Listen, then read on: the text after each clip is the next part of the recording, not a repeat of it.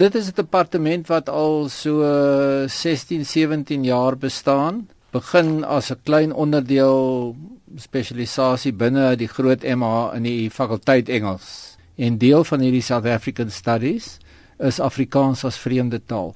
Hoekom is spesifiek besluit om 'n om 'n Suid-Afrikaanse departement te open? Dit is maar 'n betrokke individu wat via 'n Pool Jerzy Koch, ek dink uh, waarskynlik het jy al al eers in die geskiedenis met hom gepraat. Hmm. Maar hy het Nederlands studeer en toe van die Nederlandse koloniale geskiedenis het hy in Suid-Afrika beland en by Afrikaans beland en hy is nou die groot kenner rondom Afrikaans in Pool. Hy het ook nou uh, literatuurgeskiedenis, Afrikaanse literatuurgeskiedenis wat verlede jaar verskyn het in Engels. So en ja, hy het net gedink wat 'n wat 'n wonderlike storie is Afrikaans nie. En hoeveel studente trek die departement? Dit wissel. Dit dit is 'n onvoorstelbare en onvoorspelbare gegewe. Ons het byvoorbeeld vir jaar geen eerstejaars nie. Dit is die tweede keer in die geskiedenis wat dit gebeur het. En die studente val ook weg. Hulle val nie by ons weg nie, maar hulle val binne die Faculty of English wat nogal 'n strawwe leerskool is. Val hulle uit en dan verdwyn hulle by ons. Ek dink hierdie groep 25 en nou is daar 7 eh, wat ons nog hier is. Nou kom ek gaan na die studente toe. Ek wonder of hulle my gaan verstaan, anders gaan ek met Engels praat. Hoe vind julle Suid-Afrika? Baie pragtig. for us, I mean for me, but I think I speak for all of us, it's a beautiful country. And while we've been studying three years about South Africa, about the history of this country, about landscapes and culture, so now we are here and we can see all of these places. And it's wonderful to be here and to admire everything what is here.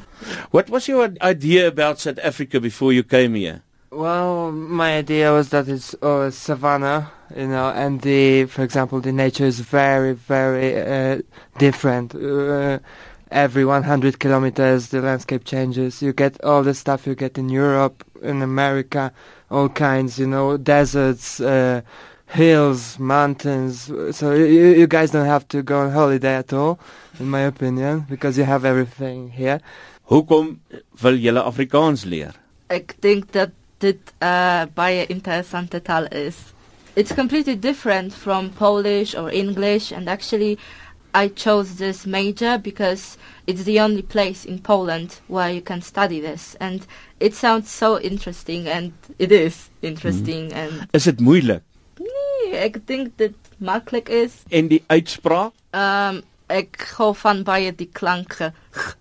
What is your perception of South Africa overall? Well, I think it's um, completely different from Poland in terms of the culture, because you even have 11 official languages, while Poland is very, very monocultural. So we think about South Africa as very diversified country in comparison to Poland. Did you have traditional South African food? Yes, we had like five brides already. so we are surprised that you South Africans eat a lot of meat. I didn't expect that amount of meat here because in Poland we eat only chicken and pork. Daar kom die Alibama, die Alibama, die kom oor die see. Daar kom die Alibama, die Alibama, die kom oor die see. Noi, noi, dit koi, noi, dit koi is gemaak. Dit koi is vir my gemaak om daarop te slaap. Noi, noi, dit koi, noi, dit koi is gemaak.